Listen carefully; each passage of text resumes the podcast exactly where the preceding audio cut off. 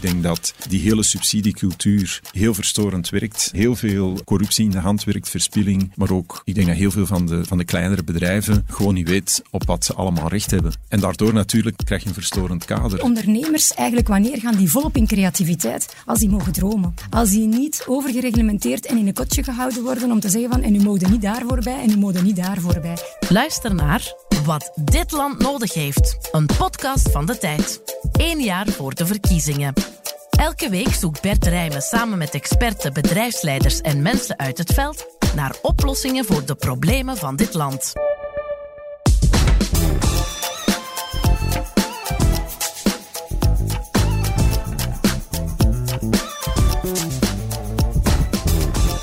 Ontdek elke dinsdag een nieuwe aflevering vanaf 9 mei op tijd.be of in de app.